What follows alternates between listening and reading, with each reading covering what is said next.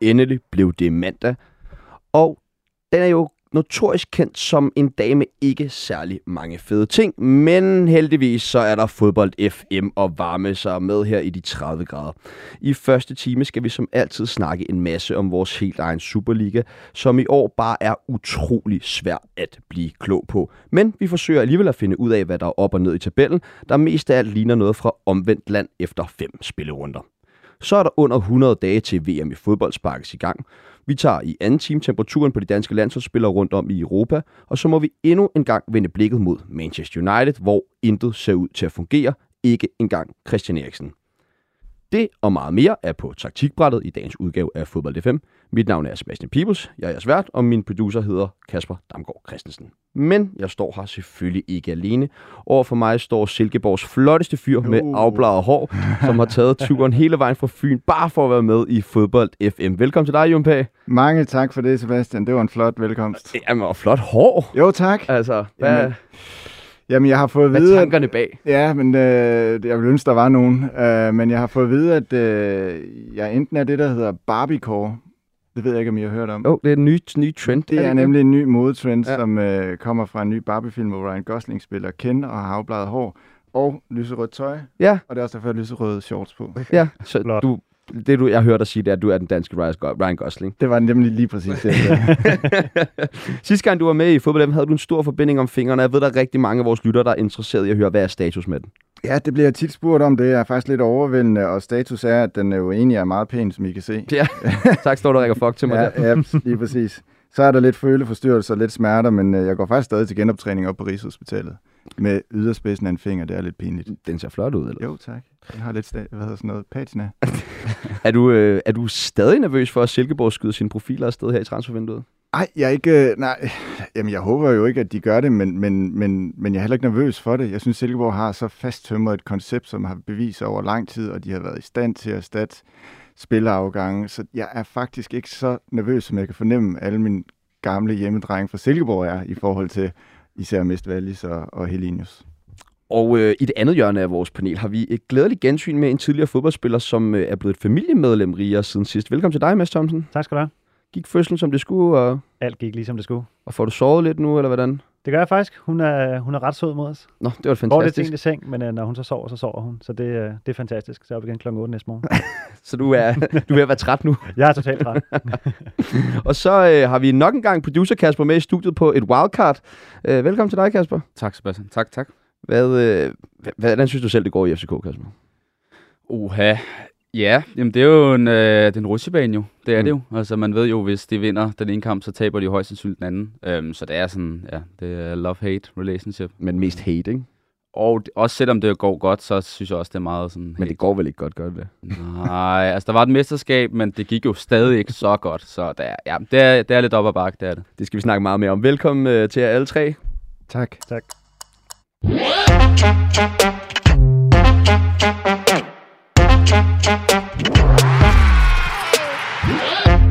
Vi skal til det, som vi altid skal. Vi skal til skulderklap og taklinger. Og Kasper, har du taget et skulderklap med til os i dag?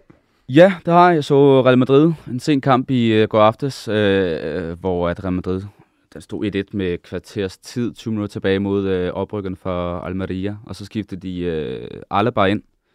Og hans første berøring, det var, det var et frispark øh, lige ud fra kanten af feltet. Og så, øh, så, så pløkkede han den ind, og øh, til stor glæde for mig. Øh, så det, øh, det var klasse. Du er simpelthen også Real Madrid-fan. Jeg holder med alle øh, hovedstadsklubberne, ikke? Så øh, Arsenal, Real og... Men, men, men imponerende med en spiller som David Alaba, der bare øh, bliver ved med at præstere, og simpelthen, jamen, han kan jo nærmest alt på en fodboldbane. Ja, ja. Du kan sætte ham i centerforsvaret, venstre dør, kant, øh, spark, frispark. Altså, han er en all-arounder. Det vil man sige, sådan en god gammel O'Shea. Ja. Mads, har du også taget et skulderklap med til os i dag? Det har jeg. Jeg har kigget ind for vores egen andedam, øh, men faktisk gået ned i Nordic Bet Ligaen og kigget, og jeg vil faktisk egentlig give et lille skulderklap til Vejle og Sønderjyske. Øh, jeg synes tit, man ser nedrykker fra, fra året før fra Superligaen, moralen kan dykke lidt, nogle af profilerne forsvinder. De har altså bare, øh, jeg vil ikke sige fortsat, hvor de slap, for de sluttede rimelig sløjt, men øh, fire kampe, fire sejre, så er der ikke så meget at, at diskutere. De viser, at de gerne vil tilbage i Superligaen ret hurtigt. Er der for stor forskel i første division på, når du har de her nedrykker fra Superligaen og så til de andre hold, som ellers ligger i ligaen? Jeg synes egentlig, der var, det var sådan rimelig kompetitivt sidste år. Øh, både med dem, der selvfølgelig rykkede op, og dem, der lige missede det, altså både med Helsingør, øh, og også med FC Fredericia osv. Jeg synes faktisk, at der er et fornuftigt felt. Øh, det er klart, afstanden fra top til bund i år er, bliver, bliver længere, tror jeg. Øh, især også med, nu kan man sige, Hillerød, der rykkede op sidste år for anden division. Øh, jeg tror, der, de, de, kommer til at være sådan rimelig klare nedrykker. Men jeg tror, der er et, et fornuftigt felt, men jeg tror så også på, at Vejle og Sønderjyske, de, øh, de kommer til at tage den. Så vi har allerede fundet de to oprykkere i, øh, i første division ifølge Hvis dig, det var Mads. Paddy Power, så kunne det godt være, at de havde fundet på at udbetale pengene allerede nu. Og øh, til vores helt egen jyske Sergio Aguero der i midten, Jon Pag. Skulderklap. Det er bedre end Luca Prip, som jeg fik at vide den anden dag. øh, Det er også svært Niels Brandt, men altså, det er jo... Ja.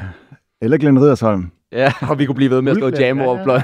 som jeg faktisk har dagens skulderklap øh, med til. Han har fået et nyt job i FK øh, Norrköping, øh, og det er jo flot i sig selv, efter et øh, ophold i øh, Belgien, som jo nok ikke gik ligesom han øh, havde håbet på. Øh, så lander han et cheftrænerjob i, i Sverige, og vi har jo, nu står vi og griner det der, og det har man jo tendens til at gøre her i, i Danmark. Men jeg tror faktisk, det er en mand, der har ret stor respekt om både, eller det ved jeg, både i, i dansk fodbold, men også internationalt. Og grunden til at komme i tanke om ham, var, at jeg så et interview øh, med ham på deres egen øh, Twitter-kanal, hvor han taler næsten flydende svensk. Altså, han har været der en uge. Øh, så skulderklap for det. Og så til det, det lidt mindre sjove tackling. Kasper, har du sådan en med? Jamen, den går til øh, Henrik øh, Dalsgaards vanvidstakling i, øh, i fredags. Øhm, Ja, hvad skete der lige der? Jamen, øh, FC Midtjylland var jo egentlig komfortabel foran 3-1, og jeg tror, der var spillet en time, og de havde egentlig sådan okay styr på kampen. Øh, og så ved jeg ikke helt, altså de går op i et pres FC Midtjylland, og så lige pludselig så vælger Henrik Dalsgaard, som jo er en rimelig rutineret herre, og bare lave saksen. Altså den er helt grove, ikke? Øhm, og så bliver han jo smidt øh, ud, altså for rødt kort, øh, helt retfærdigt ifølge mig. Øh, og, og han er jo på en eller anden måde med til at sælge lidt FC Midtland, øhm, som jo må spille med 10 mand, indtil at øh, de så bliver reduceret til 9 mand også. Øhm, og, og så ender jo med at kun at spille øh, 3-3. Ja, Dalsgaard var jo øh, ude i et interview efterfølgende og siger, at han ligesom lavede den her takling for at få, få gang i gutterne og få, få stadion med. Og, sådan, og det er jo sådan en rigtig engelsk ting. Nu kommer han jo også fra Brentford af, hvor man jo sikkert bliver opfordret til lige at, at sætte sådan en takling ind der. Men, men altså, var der, var der behov for det? Med dine nøgne, Kasper?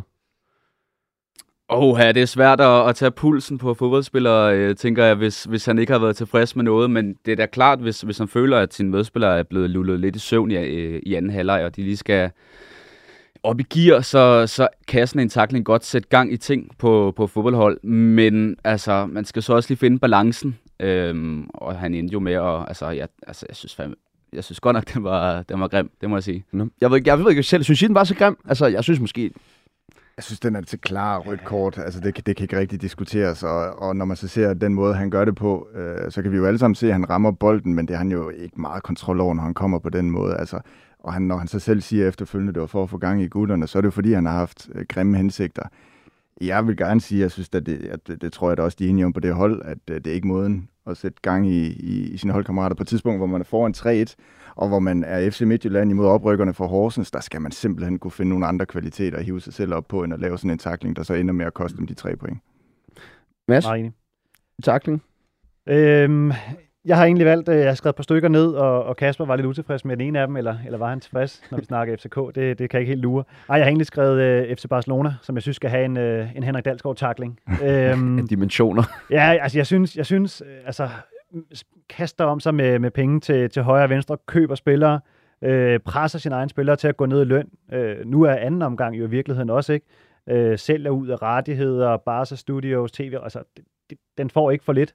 Øh, truer spillere med, med, med retten, hvis ikke, øh, altså Frankie de Jong i virkeligheden ikke, som, som siger, at han har 17-20 millioner til gode, siger, at det er ulovlig kontrakt, øh, det kan være, at vi går rettens vej. Altså, hvad fanden sker der? En klub, en klub som har været så sympatisk, og UNICEF på trøjen, og La Masia, der, der føder spillere, ikke?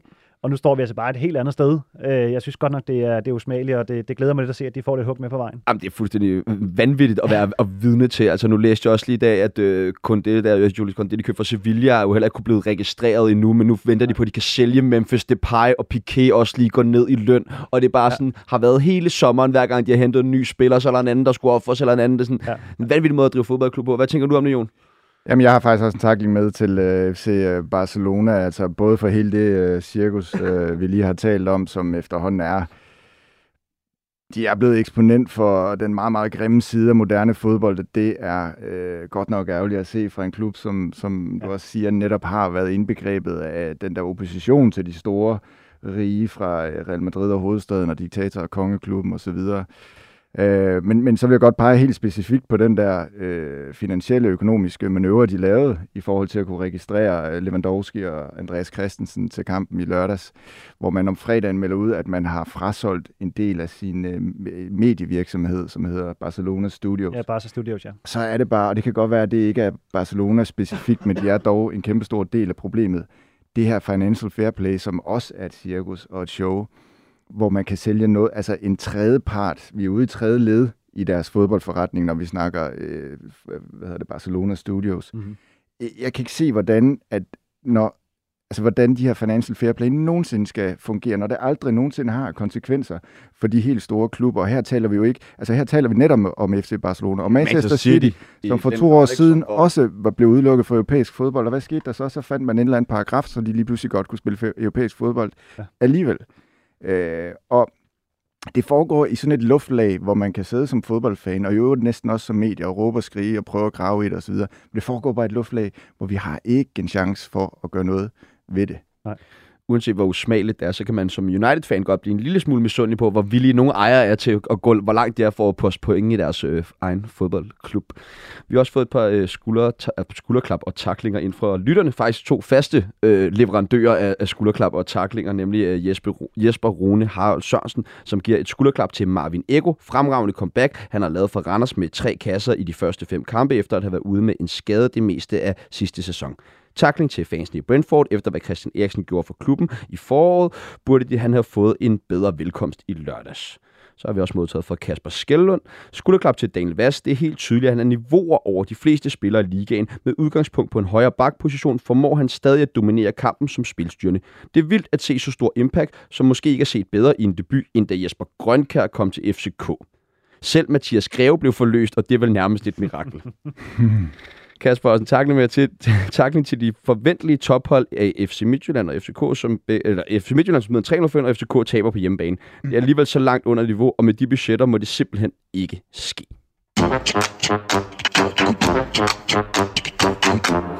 Vi skal tale en masse om Superligaen, men først så øh, vil vi gerne lige vende øh, noget, som øh, vores gæst i sidste uge, Trus Henriksen, havde en stor takling til. Det var de to fangrupperinger ved Derby i søndag, øh, hvor der jo var en masse problemer, både med banner og anholdelser øh, på stadion. Sidenhen blev en video også offentliggjort, hvor en Brøndby-fan tvinger et par FCK-fans til at give deres FCK-trøjer til ham. Han har efterfølgende meldt sig selv, og nu varetægtsfængslet.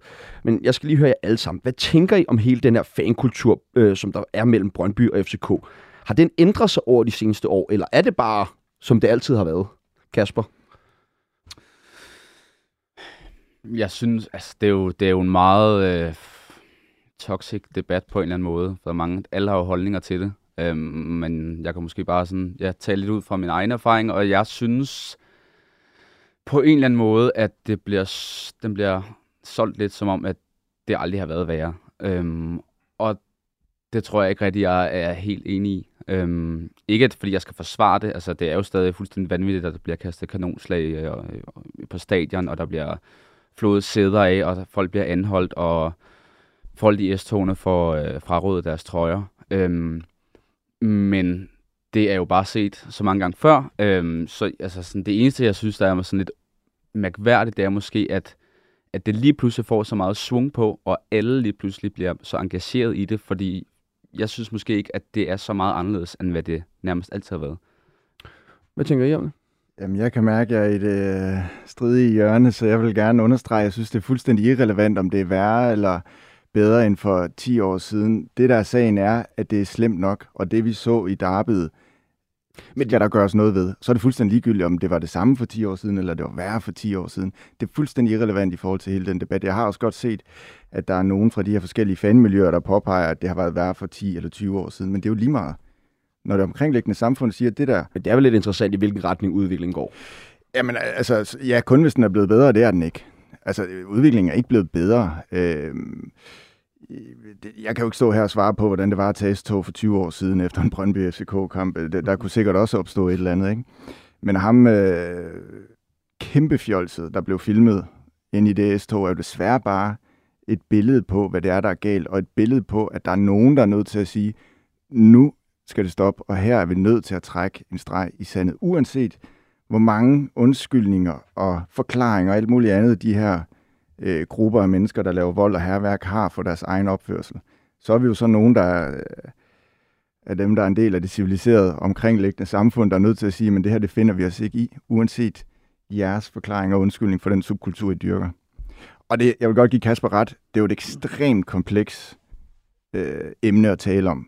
Øh, og det vil jeg gerne medgive, og der er masser af nuancer, og der er masser af måder, man kan løse det på. Men det der med at undskylde det med en kultur, som vi andre ikke forstår, det, det kan jeg næsten ikke have længere. Altså, det, det, jeg synes, det er forfærdeligt at høre på. Kasper, ja. du markerer det Ja, jeg vil også bare sige, altså jeg, altså, jeg tager afstand fra alt. Det er jeg med på, Kasper. Altså, du er en meget, meget flink ram. jeg, er, jeg, har, jeg har heldigvis kendt dig Jeg skal bare ikke lige komme til at fremstå som sådan en uh, tosse, fordi at der, der er der er jo bare nogen i det fanmiljø, som kun er der for at, altså at smadre ting, og sådan at komme ud med sine aggressioner, som jo, det kunne lige så godt være et andet sted, de lavede ballade, men det er så bare lige tilfældigvis på et fodboldstadion, fordi man er en del af en flok og et fællesskab, som man bruger lidt som en undskyldning på en eller anden måde. Øhm, men, men det eneste, jeg bare vil sige med det, jeg sagde før, var bare, at det er mere, mere den der med, at den bliver solgt på, som om, at det er værre, og det er bare sådan, det er bare ikke enig i. Men når det så er sagt, så er det fint, eller det er godt, at, at det bliver taget op nu til debat, og altså, at det kommer frem i søgelyset. Jamen, jeg, jeg, altså, jeg er enig. Den, den er også op på politisk niveau, ikke? I virkeligheden med, med Mathias Tesfaye, som nu skal ind og lave noget, snakke med nogle forskellige, og lave noget interview og så videre. Men jeg synes, det, det er enormt svært, fordi de mennesker, øh, jamen er man så ude i, at du skal have et adgangsbillet, hvor det er ansigtsgenkendelse for, at du må komme ind på stadion. Hvis nu de kommer ind på stadion, så står de og smadrer stole, de kaster måske kanonslag hen, hvor der er børnefamilie osv. Det, det dur overhovedet ikke. Nægtes de adgang, jamen vil de, så, vil de så bare komme til at lave ballade af mulige andre steder, altså stjæle trøjer fra folk i toget, eller lave ballade udenfor, altså det dur heller ikke. Så hvordan, hvordan får vi, hvordan får vi ligesom gasset dem lidt ned, øh, og lade være at lave så meget ballade, lade være det, det der er fokus på. Øh, nu var der snak om, skulle de have længere straffe, skulle man være i det her huligan-register længere tid, skulle man hurtigere komme i huliganregisteret. Altså, der, der er mange ting i spil, øh, hørte jeg så sent som i dag, og om en, om en måneds tid eller to, synes jeg, de sagde, at de ville prøve at arbejde sig frem imod noget, men, men det er klart, det er jo, det er jo et kæmpe problem. Men hvordan er vi endt her? Alting bliver vel vildere, gør det ikke det? Jo, øhm. altså, fordi jeg vil godt, der er, der, er, der er det her med, det oplevede jeg selv, øh, fordi jeg var på de der tomme stadions under corona, da fodboldkampene og Superliga-kampene blev afviklet øh, der, og da fansene kom tilbage for fuld skala efterfølgende, der kunne man godt mærke, at der var sket noget med, hvordan vi opførte os, øh, når vi var samlet 10.000 mennesker sammen, og det så man jo også inde i Tivoli, og det så vi også over i Fælledparken i forbindelse med EM og så videre. Så der er sket et eller andet der, som sådan er en generel ting for, mm. for hele samfundet, og som nok også finder sit leje igen. Øh, og jeg vil også bare lige hurtigt indskyde, jeg er jo, det kommer hurtigt til at lyde som om, at man er imod fans, og man er imod voldsom stemning. Jeg er kæmpestor tilhænger af fans, og også af fankultur. Okay. Og jeg, jeg, jeg, jeg tilhører også dem, der mener, at der er nogle andre spilleregler på et fodboldstadion, fordi der er en anden kultur, som ligger fuldstændig rodfæstet i fodbolden, hvor man altså kan opføre sig på en anden måde osv., men det ændrer bare ikke på, at når man går ud over fællesskabets spilleregler, når man ødelægger det for andre, uanset om det har været værre eller bedre øh, for 10 år siden, så er, det, så, så, så er dem rundt omkring nødt til at finde en måde at få styr på det på. Og det er svært at finde. For jeg ved heller ikke, om det er øh, større straffe eller udvidet... Øh... Hvordan skal man løse Fordi at de her kollektive straffe, de vækker jo til synladende overhovedet ikke. Altså nu er det fans tilbage for første gang øh, på udbaneafsnittet i parken med Brøndby-fansene, og kampen var ikke engang gået i gang, før de store rev sæder af og kastede dem ind på banen. Jamen det, vi, vi, vi har diskuteret det meget, i, også i mit arbejde mange år. Øh, jeg, hør, jeg så også nogen, der mente, at medierne sætter for meget spot på det. Der vil jeg bare...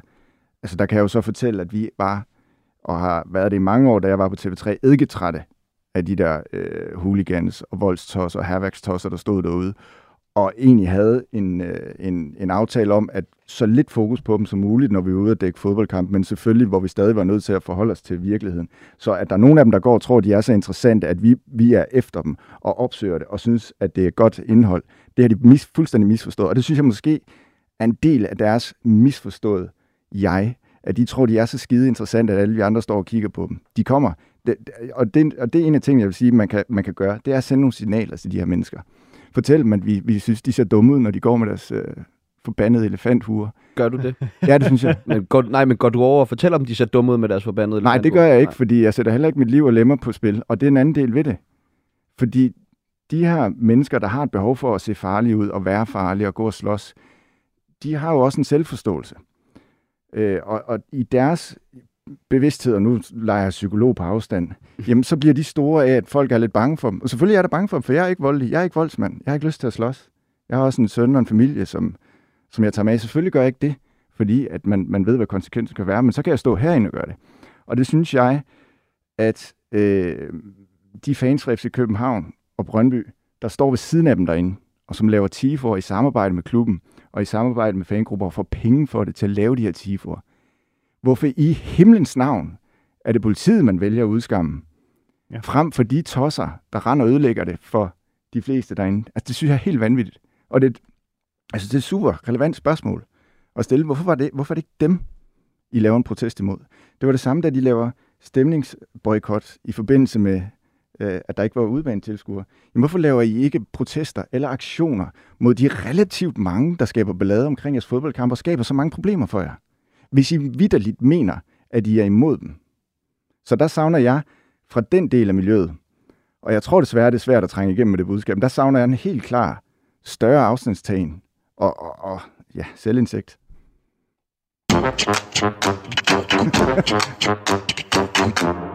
Nu skal det handle om denne rundes Superliga, hvor vi endnu en gang i denne sæson er noget overrasket over kampens udfald, og først og fremmest FC Midtjyllands kollaps i fredags. Kan I på nogen måde forklare, hvad i alverden der er sket med FC Midtjylland de sidste to runder, hvor de er gået fra 3-0 til 3-3 mod de to oprykkere? Åh, oh, der, der sker sgu nok mange ting. Altså, der sker i virkeligheden nok noget, noget usikkerhed øh, i holdet, usikkerhed i tro, altså i, i truppen generelt, manglende tillid. Øh, tiltro til egne evner. De, altså, det har været en turbulent start for dem. Øhm, nu ved jeg, at vi skal, måske skal også snakke lidt europæisk fodbold på et tidspunkt. Der fik de også en, øh, en snit eller to. Øhm, ja, så 7-1 samlet blev det. 7-2, ikke? 7-2, øh, jeg, jeg tror bare, der er noget i truppen, som... Altså, heller ikke nogen øh, ny fast øh, cheftræner. Jeg, jeg tror virkelig, der, der er mange ting i spil over i den, øh, i den klub. Pione Sisto har også lige været et enormt omtale, eller samtaleemne. Han er kommet tilbage med kasser i fire eller fem kampe i streg nu. Men jeg, jeg tror bare, der, der foregår noget derovre. Og, og lige så snart du er derude, men, men, så ved du en reducering til 1-3. Shit, mand. Så, er det, så er der ikke langt, langt tilbage. Men, men FC Midtjylland, altså ja, ja, jamen, jeg er enig, jeg er enig. Ja, ja, ja, ja. De har et budget, altså sammenlignet med Lyngbys og Horsens, er det jo fuldstændig mm. astronomiske beløber, de har at, at gøre godt med. At foran 3-0, mm. altså, og de spiller jo fremragende. Isaksen i går var jo fuldstændig vanvittig, der var jo ild i ham. Mm. Og alligevel, så smider de det. Hvad er det, der går galt? Jamen, altså, jeg, har, øh, jeg er fan af det, af det engelske fodboldhold, der lige pt. ikke klarer den sådan, øh, sådan rigtig godt. Øh, og jeg, jeg tror virkelig, der er meget at finde i det der også. Altså, Manchester United har jo også fantastisk gode fodboldspillere. Bevares, de har også nogle rigtig dårlige fodboldspillere, men de har også nogle gode.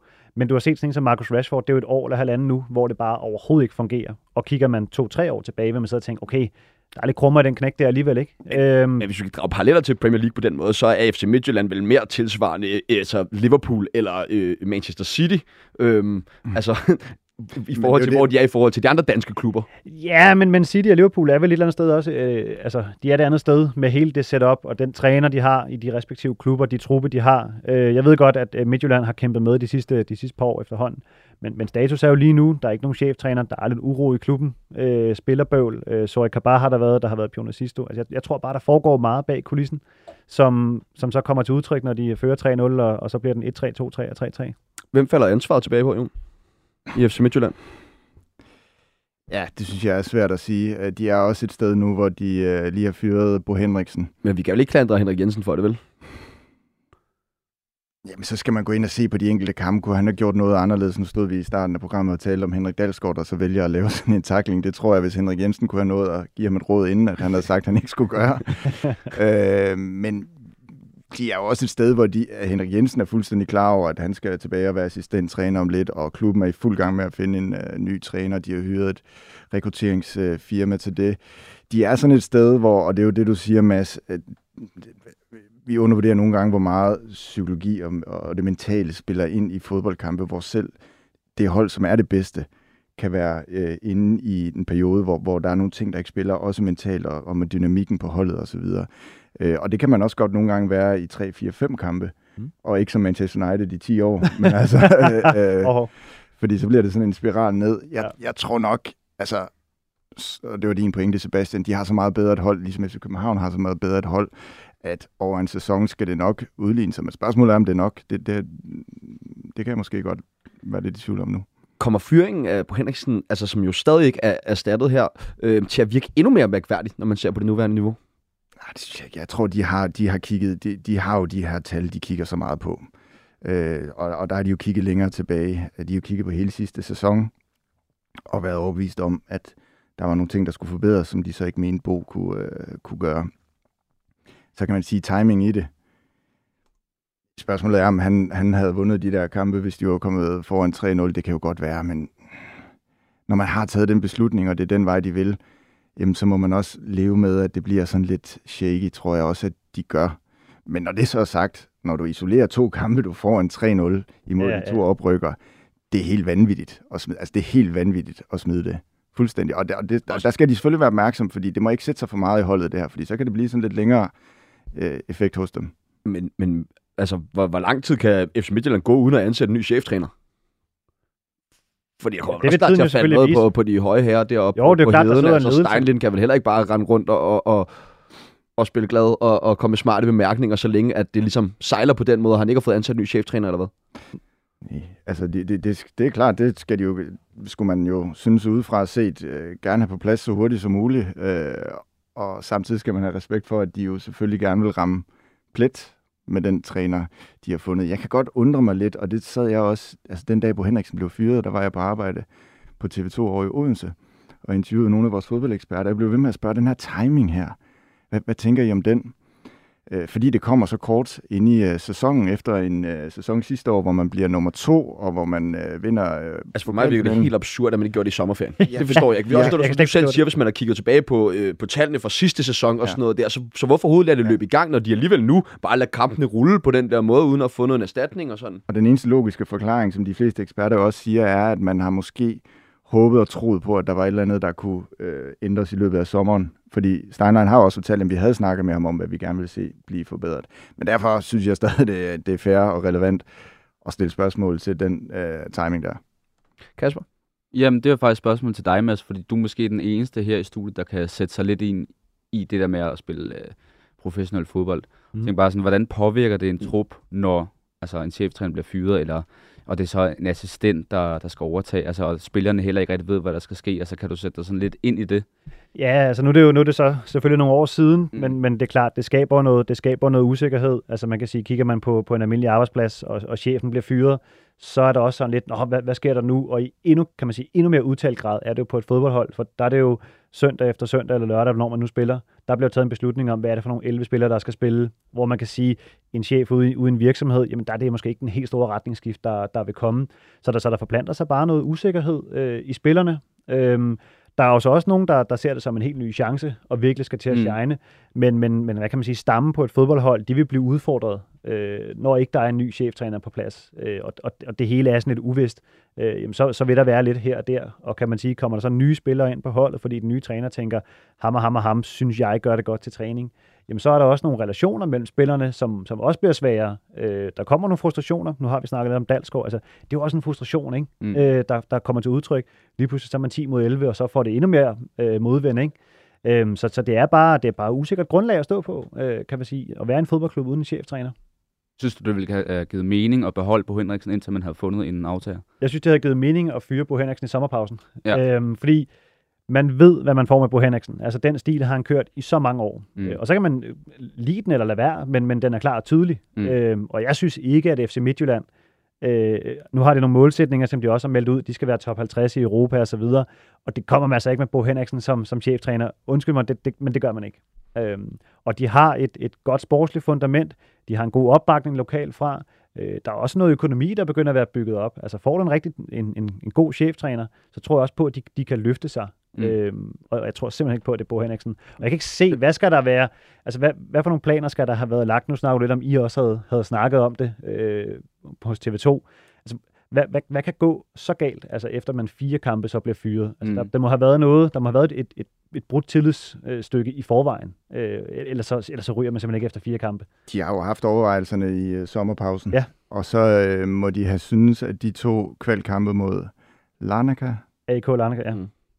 Har været så tilpas dårlige og underbevisende, at, øh, ja. at, at de mente, at det var nu, de skulle handle.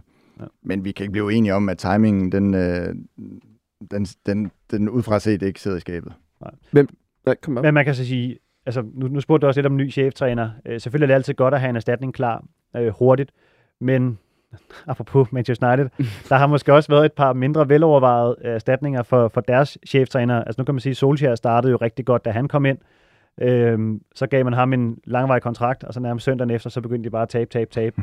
øh, så jeg tror, det med at have en generel øh, plan, vi har også snakket Silkeborg, øhm, som jo virkelig har et fast koncept og en struktur og måde og en plan at gøre tingene på, at være tro mod den, det, det, det tror jeg bare, det er så vigtigt i, øh, i fodboldklubber, og især i moderne fodbold, hvor at udskiftning, hvad det Kasper Juhlmann siger, er det 13 måneder, man i snit har sit job som cheftræner.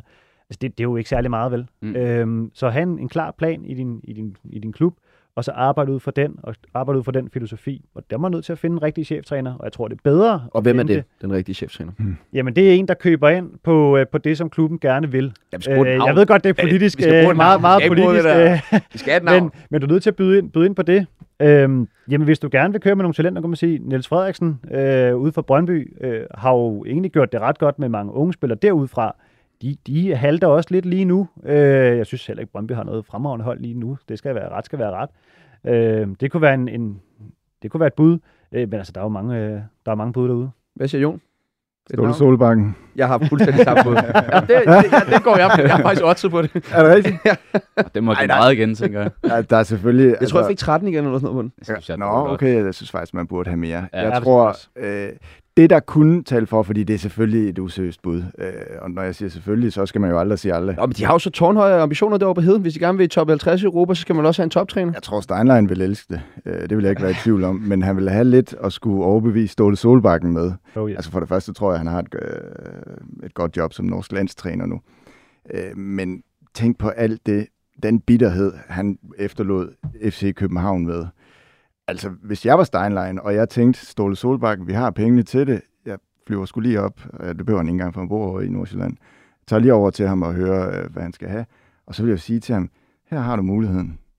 Her har du muligheden for at gå ind og få din hævn. Men prøv at høre, det er overhovedet ikke realistisk, og jeg tror heller ikke, at Ståle Solbakken tænker på den måde. Men det er jo, det, som betragter, det er jo bare en sjov tanke, fordi det paradoks med Ståle Solbakken i FC Midtjylland vil måske være det mest sindssyge nogensinde i Det Superligaen. kunne, være, det kunne selvfølgelig være Det fedt at se, men jeg Det er tror, noget, Vildtjek 2.0. Ja, ja, det er helt sikkert. Men noget af det, Solbakken har i sig, altså det er noget, der er noget storhed, der er noget format i ham.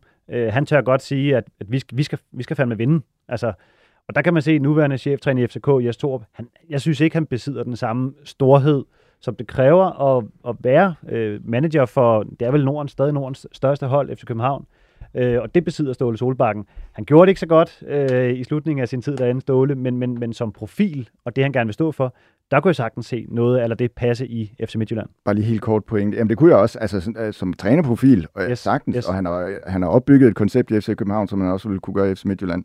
Jeg tror, når, vi, når jeg nævnte det med hans bitterhed før, så har han jo den bitterhed, det så vi også i det interview, og de interviews, han Ja, ja, ja, ja. efterfølgende. Yes. Jeg tror så til gengæld, hans hjerte ligger så tungt hos FC København, på trods af den her bitterhed. Jamen, Men, selve klubben, det vil han Men hvor meget af det FC. København, som hans hjerte ligger hos, er der egentlig tilbage? Jamen, der er ikke ret meget, men Altså- der er jo noget, der hedder historie og følelser alligevel, og det, det tror jeg, altså, ja. men Ej, skal jeg aldrig. Jeg tror ikke på, at Ståle kommer ind til FC Midtjylland, men noget af det, altså hvis man kunne, havde han en bror, øh, eller altså noget, hvor man kunne kopiere ham, men med den storhed og det format, der, han der, har, Der går jo en anden nordmand ledig på markedet jo. Ole Gunnar. Ja, lige præcis. Det kan han have, har helt samme storhed. Nej, men det jeg prøvede at sige før, det er, at det er som profil, det Ståle har, altså med, med, med den karisma, autoritet, den storhed. Det, det er sådan noget, FC Midtjylland har brug for. Ikke præcis ham, men, Nej, men helt altså noget det, han står vil for. være perfekt Carsten. Men han vil Ja. vel ikke indordne sig i deres plan. Jeg tænker, jeg tænker, at FC Midtjylland har vel en klar plan om spillestil og så videre. Jeg tænker, at Ståle, han, har vel sådan, han er vel meget sådan alter ego. Men, så. men indordner man sig ikke som klub, hvis der er sådan en træner, der måske kommer til rådighed med de meritter, som han nu engang har? Jamen, der synes jeg at man giver, man giver køb på, på det, man, man skal og bør. Altså, igen, som, som klub, jeg synes bare, du skal have et koncept, du, du kører ud fra, og få det kørt, kørt ned igennem systemerne, have en helt klar øh, filosofi for, hvordan spiller vi, hvad er det for nogle typer. Noget af det, som, og jeg havde at skulle sige det, at Liverpool har gjort så godt, efter Klopp kom til, fordi ret skal være ret. Klopp han brugte nogle, nogle sæsoner, noget tid på at egentlig komme til top, så det er stadig kun én Premier League, det kan jeg stadig godt lide at holde fast i. Men han har jo lagt en helt klar plan og måde, de gør tingene på. Der er et, en, et, et helt transfer-team, som jo sidder og scouter spillere ud fra, hvordan skal de gøre tingene. Og så har de nogle møder, noget rekrutteringsproces øh, osv. Øhm, når han kommer og siger, at vi skal bruge en højrefløj, som kan A, B, C, jamen så er der nogen, der har en helt klar liste, eller helt klar liste med spillere, som han kan, kan vælge ud fra. I Manchester United gjorde lidt det med Mourinho. Nu snakker vi om noget storhed med Ståle Solbakken. Altså Mourinho med noget af det, han har præsteret tidligere, har jo også noget af det over sig i sin karisma. Øh, og så kommer der Van Gaal, som var der lidt tidligere. Øh, nu har det Ten Hag. Altså, det, det er jo i øst og vest. De har, Men de det har var, gået ind det var ikke? Midtjylland og Ståle Solbakken, det handlede om. ja. Jeg vil bare lige sige, Kasper, du Øh. har en pointe, fordi at han er, altså, den måde, han var i FC København på, Ståle Solbakken, hvor han var fuldstændig Styret det inderådet hele. og var sportsdirektør, træner og øh, Han var alt muligt en andet. manager, ikke? Ja. Præcis. Øh, det kan også godt være, at øh, der vil være en pointe omkring det, og han kunne passe ind med den resten af den sportslige ledelse, som har ret meget indflydelse i FC Midtjylland. De har de her rundbordsmøder, hvor alle lederne sidder og taler. Der tror jeg også, at øh, der kan man i hvert fald forestille sig, at han også vil have svært ved at skulle blive sat på plads af Svend Graversen. Nok om FC Midtjylland og videre til et andet hold, som vi næsten aldrig heller taler om her i fodbold, øh, um, FCK, som jo desværre er lidt svært at komme udenom med den her ustabilitet, som der bare bliver ved med at være et gennemgående tema for dem i, i den her sæson. Altså nu har de tabt tre kampe henholdsvis til Viborg, Horsens og Randers, det er så samtidig blevet til to sejre, men hvor alvorligt står det egentlig til? Skal vi starte også vores FCK-mand, Kasper? Jamen, jeg har jo aldrig nogensinde været, været pro Torup, øh, vil jeg bare lige sige, men hold da op, var. Altså, det er da så sløjt. altså, det er jo helt vildt. Øhm, og vi, Hvorfor? Vi, jamen, det er jo bare det der bundniveau. Det er jo fuldstændig vanvittigt. Altså, det er jo det, FCK altid har haft. De har haft et vanvittigt højt bundniveau. Så har de ikke altid spillet øh, til top, eksempelvis under Ståle Solbakken. Et hele sidste sæson kan man vel også godt pege på, altså hvor de jo primært bare fik arbejdet gjort. Ja, ja, ja, det er rigtigt nok, men så var der bare så mange spilmæssige ting, hvor jeg sådan, jeg ved stadig ikke helt, hvordan det er, to han egentlig vil have FCK spiller, og hvad er det for et udtryk, øh, og alle de øh, transfers, der er blevet lavet. Der er jo mange af spillerne, som bare løber rundt ude på bænken, og altså ham Amo, som kostede hvad, midt, midt 30 millioner, hvad, altså skal han aldrig spille, og købe tre øh, store angriber i vinterpausen, Jamen, de, der er ingen af dem, der er inde omkring holdet nu. Og det er bare sådan hele strategien og hele filosofien, og altså jeg kan slet ikke forstå det. Det var mere, hvis, hvis der var nogle tydelige ting i spillet, som altså, de prøvede. Altså, jeg, jeg, kan, jeg kan bare ikke rigtig se det. Kan I følge Kasper lidt her, eller er det bare en gal FCK-fans tanker, vi, øh, vi hører her? Nej, det tror jeg, de fleste øh, kan. Det er øh, markant, hvor lang tid det har taget dem at lande efter Stol Solbakker. Det er de langt fra endnu, på trods af, at de vandt det danske mesterskab sidste år. Og der tror jeg, at de fleste kommer til at undervurdere, hvor stor en betydning det har at fjerne en mand som Ståle Solbakken, og det bliver klichéfyldt at tale om det her DNA, som de bliver ved med at tale om, og som Ståle selv talte om. Men det er bare, apropos det du siger med strategi og filosofi, Mads, det fjerner man fuldstændig med Ståle Solbakken, for det stod han ene og alene for, fordi man vil gå en anden vej. Og jeg kan da godt forstå, hvis der er nogle fans, der tænker, hvad er det så for en vej, vi er på vej øh, ud af nu? For det, det, det kan godt være lidt svært at, at få øje på. En af de ting, som jeg så faktisk synes, man skal rose dem for, det er den her øh, strategi om at købe de allerstørste og bedste talenter i Skandinavien og indføre dem øh, på holdet i en højere grad, end vi så under Ståle Solbakken. Men det skal jo bakkes op Det lykkes vel bare ikke. Nej, altså det skal, Altså, det skal, jeg synes, Fordi det, en ting er at købe, men de skal vel også præstere før. Det, hvis det er den vej, du vil gå, som jeg godt kan se en masse fornuft i, fordi man har pengene til at hente de absolut største med potentielt videresalg, og i øvrigt også nogen, som kan gå direkte ind og spille på Superliga-niveau. Det, det er sådan et ret godt sted at være, som vi har set Ajax være i Holland i 100 år efterhånden. Øh, men det skal jo bakkes op om øh, øh, en organisation, som fungerer øh, hele vejen ned igennem, hvis man skal gå ned ad den vej, fordi det er lidt skrøbeligt med de her unge spillere.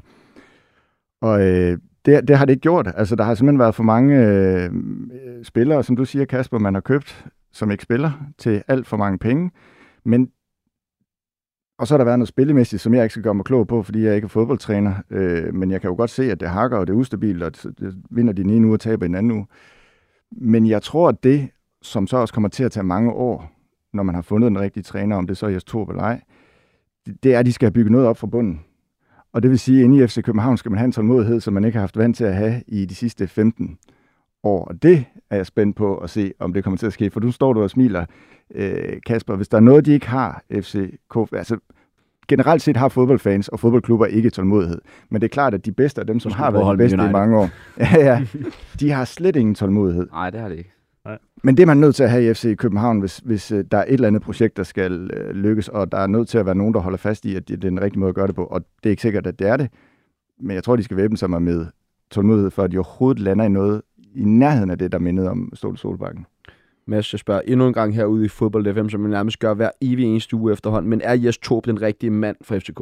Nej, det synes jeg virkelig ikke, han er. Øh, jeg synes, når man er i, når man er i FCK, så skal man, øh, så skal man øh, være, være nogle af de bedste trænere, som, som der findes. Øh, altså ikke på verdensplan, men i hvert fald, når vi taler Danmark, også når vi taler Norden.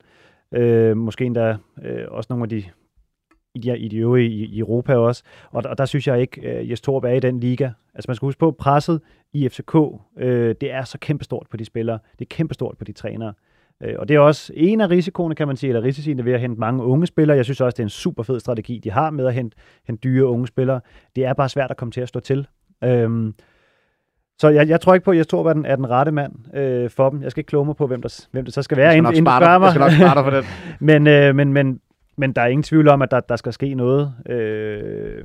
Men hvad skal der ske? Altså, hvad kan man gøre? Kan man gøre noget med det spillermateriale, som der er nu? Jamen, spillermaterialet fejler i mine øjne ingenting. Nej, vel? Altså, de, de, jeg synes virkelig, de har en base og nogle spillere. Øh, det er klart, Sikker, han, det gjorde ondt på dem, at han blev øh, skadet så lang tid. De vandt mesterskabet alligevel. Øhm, nu er han tilbage. Og nu er han tilbage. Øhm, de har jo trods alt også stadig Rasmus Fald. Jeg ved godt, han også har været skadet. Der er Lukas Lea derinde. De har nogle gode spillere. Forsvaret, altså fløjene, angriberne. Der er jo, der er jo det, der skal være. Øhm, jeg savner bare lidt, lidt mere fra Jes Torup. Altså, han kommer til, spiller han information, og nu er det som om, de spiller lidt noget andet. Øh, altså, hvor, hvor står han henne? Har han mistet noget, noget selvsikkerhed? Har han mistet spillerne? Altså, hvor, hvor, hvor er det, vi er henne? Altså, jeg synes ikke, det virker som om, at spillerne de vil gå gennem ild og vand for, for Jes Torup. Og det er vigtigt. Jeg bliver også nødt til at høre, i forhold til FCK-defensiv, nu ved jeg godt, at de har været lidt ramt af skader nede bagved, bagved og så videre, men i forhold til sidste sæson, der var det jo udelukkende nærmest det, de kom igennem på at vandt mesterskabet. De kunne ikke finde ud af at score mål, så det var jo der med, at de var ret gode til at holde nullet. Øh, selvfølgelig også kvæg Grabata, jo, som øh, stod fantastisk for dem øh, i sidste sæson. Men, men hvad er der sket med defensiven? Altså Sayes, han, som jo var assistenttræner, han er jo så smuttet til Southampton, tror ja. jeg. Øh, og jeg, så vidt jeg ved, så var han jo en af dem, der havde ansvaret for, for defensiven og standardsituationer. Øhm, altså om det lige præcis er det, det, det kan jeg ikke rigtig gøre mig klog på, men jeg tænker da helt klart, at, at det, er der, det bliver så bare endnu en opgave for, for nogle andre. Øhm, så det kunne da helt klart være noget af det, der, der spillede ind kunne FCK måske løse deres problemer i begge ender med en vis Viborg-spiller, som har gjort det ret godt i begge ender. Jeg tænker på Christian Sørensen. Oh, ja, nej, det, det, det, det, nej det, det, det, synes jeg ikke. Jeg synes ikke, at FCK, hvis de skal, når de skal ud og hente, hente nye spillere, så skal de kigge uden for, for egen andedam. Øh, det synes jeg. Jeg ved godt, der har været snak om, om Wallis øh, til FCK. Der mangler også nu har man hentet, nu har man hentet Darami, ikke? Så, ja, altså, ja, men, præcis. Ja, men det, jeg, jeg, synes bare, jeg synes, jeg synes FCK, jo, hvis det er et, et kongetalent, der løber, der løber omkring, så skal FCK selvfølgelig være opmærksom.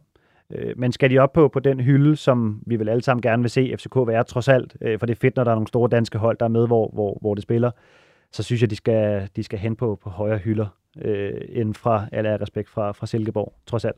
Men har de gør to udmærkede venstrebakker? Og VK, han er da rimelig solid. Og så bruger de også Jelert lidt, ikke? Ja. Ja, Ja, okay. Jamen, det var også bare for at få løst nogle af de offensive problemer samtidig øh, med de defensive. Men offensiven, der. altså, det, det, det, er der, det er der bestemt, det er det halter, øh, og der mangler der også, altså jeg synes også, spiller de med, er det Pep Biel, øh, Som apropos øh, udtrykket, øh, ja, ja. vores, øh, vores, vores bror her i studiet. Jeg glemmer øh, nogle gange selv, jeg har sådan noget, der, jeg skal lige fange Det gør vi andre ikke bare men, men, men at spille med Pep Biel, altså fantastisk spiller, men hvis han spiller øh, forreste mand eller falsk nier, det, det synes jeg heller ikke er godt nok. Øh, han er, han, klassespiller, men der skal, der skal nogle flere offensive folk, øh, folk på banen. Randers fortjener også en hel del ros for deres præstation, tænker jeg, øh, der nu har bragt dem op på en tredje plads, og de er stadig ubesejret. Hvad er det, der gør Randers så stærke? Det er kontinuitet hen over mange år med Thomas Thomasberg i øh, spidsen og Søren Pedersen som øh, sportsdirektør, som har vist sig som en overraskende god fodboldkøbmand. Øh, og øh, det kommer til at blive et tema, fornemmer jeg, fordi, men det, det, det, det, jeg, det fylder også enormt meget for mig at kigge på, hvad er klubbernes strategier, hvad er deres øh, koncepter, og hvor villige er de til at holde benhårdt fast i det, også selvom at det kan vakle lidt og se lidt usikkert ud og ikke helt fungere. Og det har Randers altså gjort i mange år, så jeg synes overhovedet ikke, altså vi så det allerede sidste sæson. Hvad er Randers' koncept? Sæson inden. Ja, det kan jo blive en lidt længere klamance, men øh, man ser jo, øh, hvis du kigger i forhold til indkøbssiden, øh, Øh, har Søren Pedersen jo øh, efter min mening været vanvittig god til at finde. Nu øh, roste vi, nej, det var en øh, lytter, der roste Marvin Eko. Den der type spiller er han helt exceptionelt god til at finde. Og jeg ved ikke, hvordan han har lært det. Det er sådan set også underordnet, men altså en øh, Lasse Berg, øh, øh Ego selvfølgelig, og en del andre på det her øh, Randersmandskab, og så har de også været gode til at hente nogle af de spillere, som ikke har fungeret helt i andre klubber. Øh, vi har set Daniel Høgh, en, en Bjørn Koblin. Ankersen. En Ankersen, man fisker i Esbjerg. Og så Thomas Berg, der bare står for et fuldst... Altså, lidt ligesom Kent Nielsen, bortset fra, at spillet overhovedet ikke minder om hinanden. Det kunne nærmest ikke være mere forskelligt, øh, men, men, men fastholder et koncept, der er simpelthen ikke øh, fra det. Og det er altså noget, der giver en, en tryghed og en kontinuitet, og som vi nu har set øh, hen over mange sæsoner, øh, fungerer. Så jeg synes, Randers er i min bog et, et, øh, et, et øh, fast top 6 hold. Øh, det overrasker mig, at folk mener noget andet. Og de var det oven i købet i en sæson, hvor de går ud og spiller europæisk og kvalder videre fra deres gruppespil. Mads, er du uh, lige så blæst bagover af Randers som uh, Jon? Jeg er ja. ikke blæst bagover. Nej, men jeg synes, jeg synes Jon har fat i, i meget af det rigtige. Øhm, jeg, jeg, tror, jeg tror så fuldt og fast på, på nogle koncepter. Om det så er, om du, du spiller en stram 4-4-2 eller flydende offensiv 4-3-3, det er egentlig ikke det, der er så, der er så vigtigt. Men en, en base, hvor, hvor spillerne kender deres roller, de kender deres opgaver, det er jo også meget det, vi ser blomstre i Silkeborg også.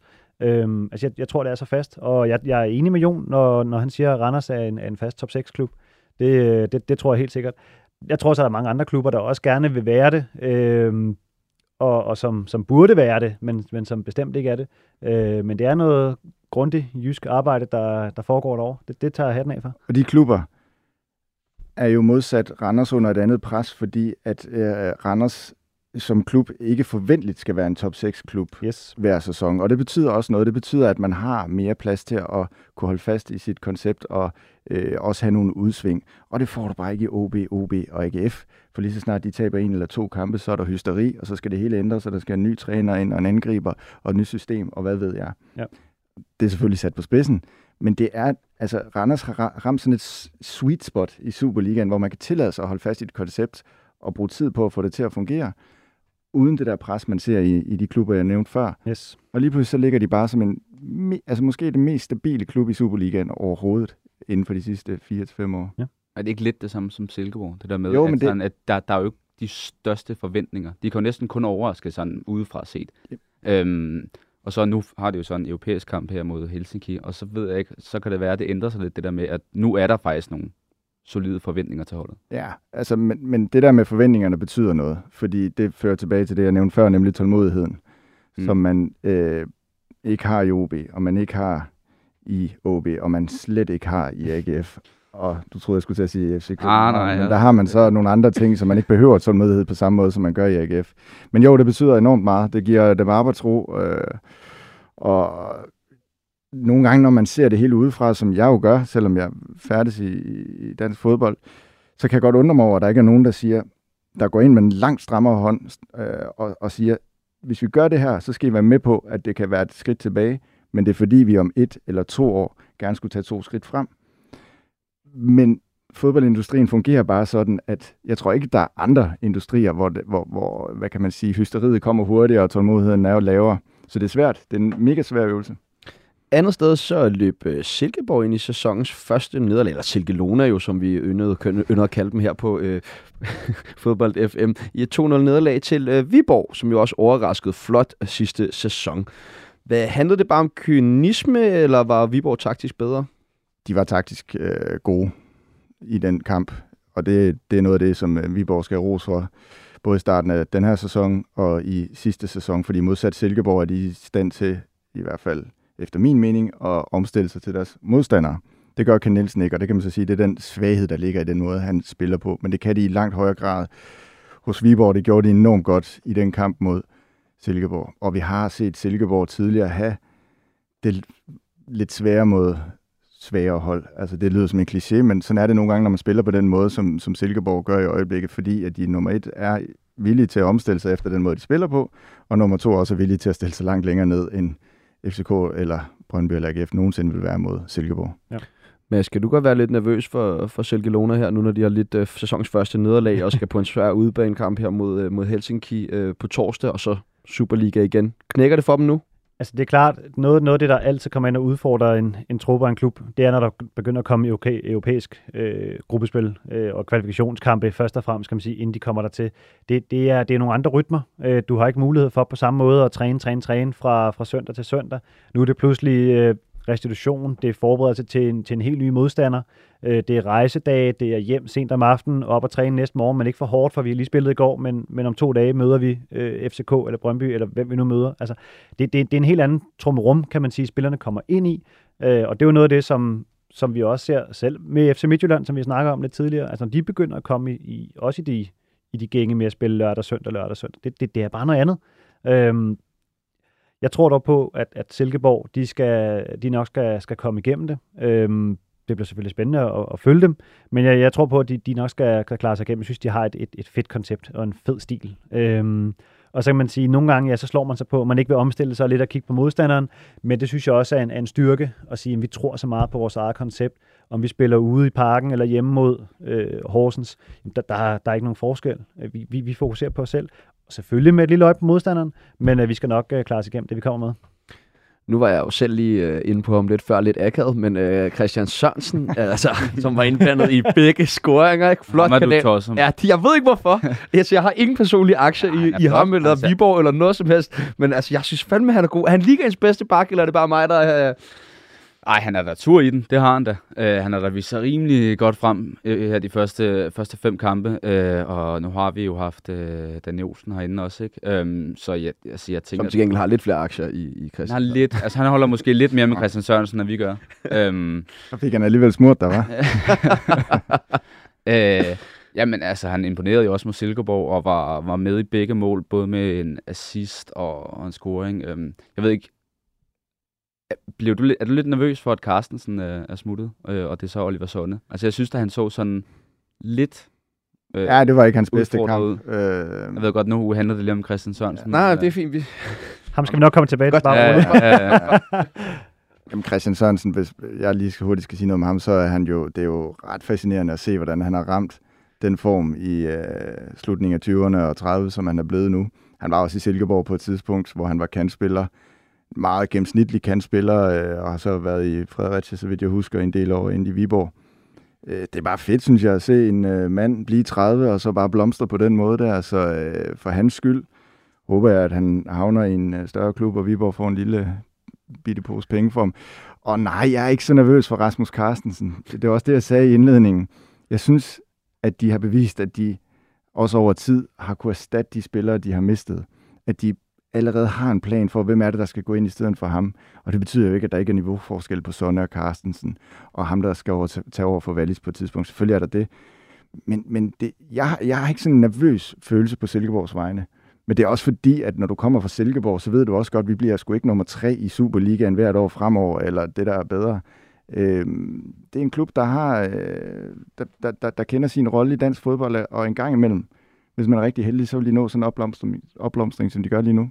Så ja, i Silkeborg er man enormt stolt af de mange, mange spillere, der er blevet sendt afsted til store klubber, som, som gør det godt i øjeblikket, og det kommer han forhåbentlig også til. Mads, tror du stadig, han er i Viborg efter det transfervindue? Christian Sørensen.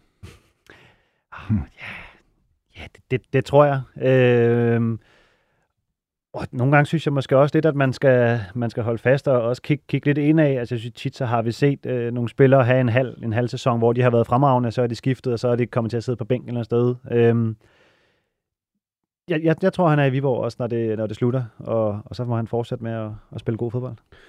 Vi når ikke meget mere her i første time, men jeg vil gerne have, at vi lige hopper en tur forbi øh, Vestegnen, hvor at, øh, Daniel Vass var vendt hjem til Brøndby. Hvad er jeres reaktion på, på den signing? Fed, fed signing. Øhm, jeg tror, det, jeg tror virkelig det på, at det bliver rigtig godt. Øh, han kommer også ind i startopstillingen med det samme. Det synes jeg også sender lidt et signal. Øh, jeg kender Daniel Vass fra, fra de unge dage. Øh, rigtig Brøndby-dreng, øh, med en god attitude. Øh, lidt en, ikke kaldt en Brøndby-attitude, men sådan en, vi vinder. Øh, vi, vi skal nok øh, komme til at trumle over. Øh, kan han finde sin plads på holdet? Øh, både spillemæssigt, men også ude for banen, hvor han skal være med til at guide mange af de unge spillere, vise dem og lære dem lidt fra sig. Altså, han har fandme spillet på nogle fede adresser, ikke? Øh, hvis de kan lære fra ham, øh, og de både kan bruge ham i sin en spil- og mentorrolle, så, så synes jeg, det er enormt godt set. Øh, det, har jo, det har jo luret lidt, må man sige, det sidste års tid, eller noget af den stil, ikke? Men øh, fed, fed transfer, og fedt, han er med på den. Øh, jeg tror, det bliver rigtig godt. Nu spiller han jo på bakken her mod øh, OB. Tror jeg også, det er der, han kommer til at spille fremover? Jeg, Nej, jeg, det tror jeg ikke. heller ikke med tanke på, hvad nummer der står bag på trøjen.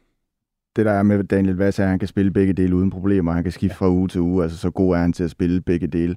Men jeg tror, Niels Frederiksen allerhelst vil spille ham centralt så vidt som muligt, for det er trods alt der, hvor han kan have størst indflydelse på øh, spillet. Nu passer det lige med, at Thibaut Lundsen, han var øh, lidt drænet og lidt træt efter alle de kampe, de har spillet. Og så hopper han der bare ind i Superligaen og spiller en højre dør, øh, hvis det er det, han bliver bedt om. Også selvom han har øffet lidt om, over det tidligere på landsholdet. Men øh, nu er han blevet ældre og lidt mere øh, Ja. mild. Kasper, hvordan så du øh, den 16-årige Oscar Schwarthaus kamp her mod OB? Fordi der var der også tur i ham, var? Jamen, det, det er fedt, men jeg... jeg det er, Åh, du kunne næsten ikke nej, nej, nej, nej. Altså, jamen, jeg, synes, jeg, synes, jeg synes, det er fedt, at... Jeg ved ikke, om, om jeg husker forkert, men der er kommet en eller anden tendens med, at man prøver rigtig unge spillere af. Øh, havde Rooney sidste sæson, og vi havde var det Jeppe Schær fra Horsens og, og Schellerup for et par sæsoner siden. Øhm, Og et par gutter i Randers.